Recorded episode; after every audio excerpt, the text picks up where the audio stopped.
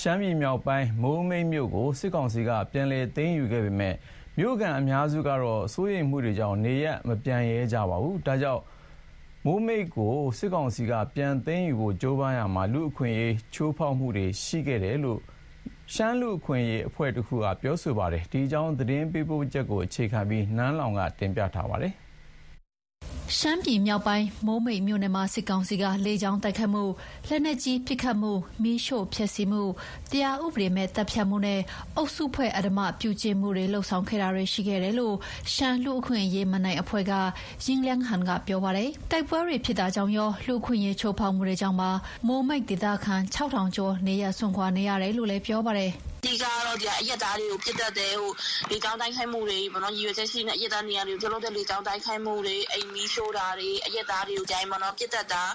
သတ်ဖြတ်တာ၊မီးရှို့သတ်ဖြတ်တာပြီးတဲ့အခါမှာကျမတို့အဓမ္မပေါ့နော်။အမျိုးသမီးတွေကိုအဓမ္မကျင့်တာပေါ့နော်။ဒီဟာတွေရှိမယ်ရှင့်။ပြီးတဲ့အခါမှာပြည်သူတွေရဲ့ပစ္စည်းတွေခိုးယူတာပေါ့နော်။အဲဒါတွေလည်းရှိတယ်ရှင့်။ကျမတို့စာရင်းကောက်ယူချက်အရဆိုရင်၂၇ယောက်ရှိတယ်ပေါ့နော်။ဒါပေမဲ့ဒါကမြေပြင်မှာဒီထက်ပိုပြီးမှပိုနိုင်တယ်ပေါ့နော်။ စစ်ကောင်စီကတော့စစ်ရှုံးရင်သူတို့အရမ်းကိုဒုက္ခရောက်တဲ့အခါမှာပြည်သူတွေကိုဒီလိုမဲတာမျိုးကတော့သူတို့ရဲ့လုပ်ရက်ကအကျင့်ဖြစ်နေပေါ့နော်အတိအကတော့ကျမတို့ဒီနိုင်ငံတကာအဖွဲ့အစည်းတွေနိုင်ငံတကာအဖွဲ့အစည်းတွေပေါ့နော်ဒီကျမတို့ဒီနိုင်ငံတကာ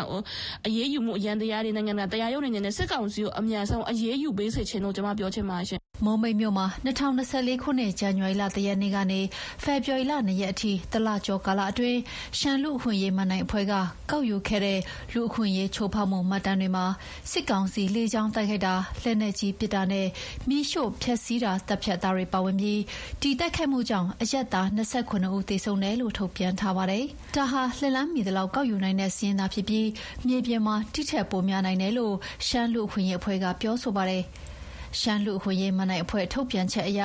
ရွှေစားလီကြည်တော်စု တောင်ပိုင်းရက်ကွက် ရွာတော်လေး လက်ခုပ်တန်း မိုးမိတ်စီတို့မှာ စစ်ကောင်စီလေကြောင်းတိုက်ခိုက်မှုမိရှို့ခံရမှုတွေကြောင့်အင်ချီအတော်များများ မီးလောင်ဆုံးရှုံခဲ့ရတယ်လို့ ဖော်ပြထားပါတယ်။လက်တလုံးမှာတော့ မိုးမိတ်နဲ့အမဘိန်းမြို့တွေကို စစ်ကောင်စီက စစ်အုပ်ချုပ်ရေးထုတ်ပြန်ထားပါတယ်။ဒီမြို့နယ်နှစ်ခုရဲ့ အုပ်ချုပ်ရေးနဲ့ တရားစီရင်ရေးကိစ္စတွေမှာ မြောက်ပိုင်းတိုင်းစစ်ဌာနချုပ်တိုင်းမှုကို စစ်အုပ်ချုပ်ရေးကျင့်သုံးဖို့ ဖွဲ့စည်းပုံအခြေခံဥပဒေအရအနှင်းလိုက်တယ်လို့လည်းစစ်ကောင်စီက ထုတ်ပြန်ပါတယ်။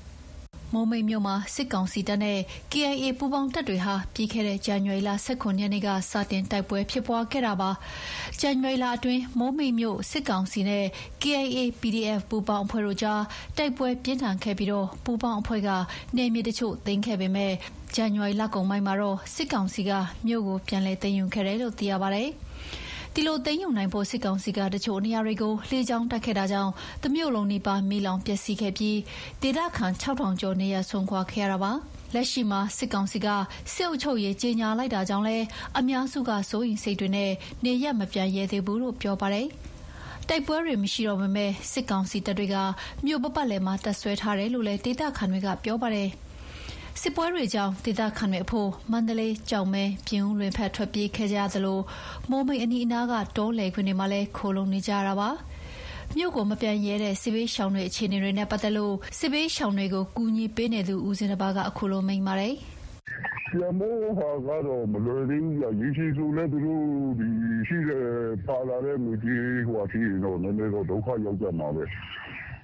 အဲ့လိုမျိုးပေါ့အခုလောလောဆယ်ဦးလေးစီမှာလည်းလှူတဲ့လူကလည်းတိတ်မကိုတိတ်မရှိတော့အဲ့ဒါဒီစာဝတ်နေကြီးကကိုပေါ့ကိုကိုအခုဖြည့်ရှင်းနေရတာမပြန်နိုင်ဘူးဆိုတာကအခုကအဲ့ဒီစစ်တပ်ကနေပြီးတော့လူတွေရွာတွေလည်းဝင်နေလို့ရှိရင်လုံးဝစိတ်ချစရာမှမရှိဘဲနဲ့အကုန်လုံးထွက်ပြေးနေရတာပဲအဲ့ဟိုဒေါ်လာရေးတက်တွေနေတော့အဲ့လောက်ကြီးမရှိဘူးကြာအဲ့လောက်စိုးရိမ်နေရလည်းမရှိဘူးစော့ကြီးနေရလည်းမလိုဘူး စစ်တပ်တွေလာပြီးဝင်ပြီးရှိဆိုကြတဲ့ပြည်သူတွေအားလုံးဒုက္ခရောက်ကြတာပဲဗျသူကမထင်မထင်ကြလို့ဒီဦးဇင်းတို့ဒီဟိုပါပဲဒီလိုကြီးပေါ်မှာကလေးနှစ်ယောက်လို့ရှိရင်အဲကောင်းပြတတ်တာဟုတ်တယ်အဲအဲ့ဒီကားလို့15နှစ်အရွယ်ကလေးရောထိန်းချုပ်ထားတယ်ဆိုပြီးတော့အဲလမ်းတွေပါပြီးပိတ်ထားတယ်အဲရွာသူရွာသားတွေတွားကိုလာကိုမပေးဘူးမိုးမိန်မြို့ခံစစ်ဘေးရှောင်သူကတော့လက်ရှိမြို့အခြေအနေနဲ့သူစစ်ဘေးရှောင်ခဲ့ရတဲ့အခြေအနေကိုခုလိုပြောပါတယ်။ ဟုတ်တယ်ဆင်မိုးမိန်ကဆင်ကျုံဆောင်းဝင်နေလေဆင်အဲ့ဒါဆရာမပြေဘူးအလုပ်တွေမလုပ်ရတော့လေသူကလည်းဘယ်မှဘယ်မှပေးမထွက်ဘူးဖိတ်ထားအဲ့ရင်တော့ရင်လာတော့အများတော့မ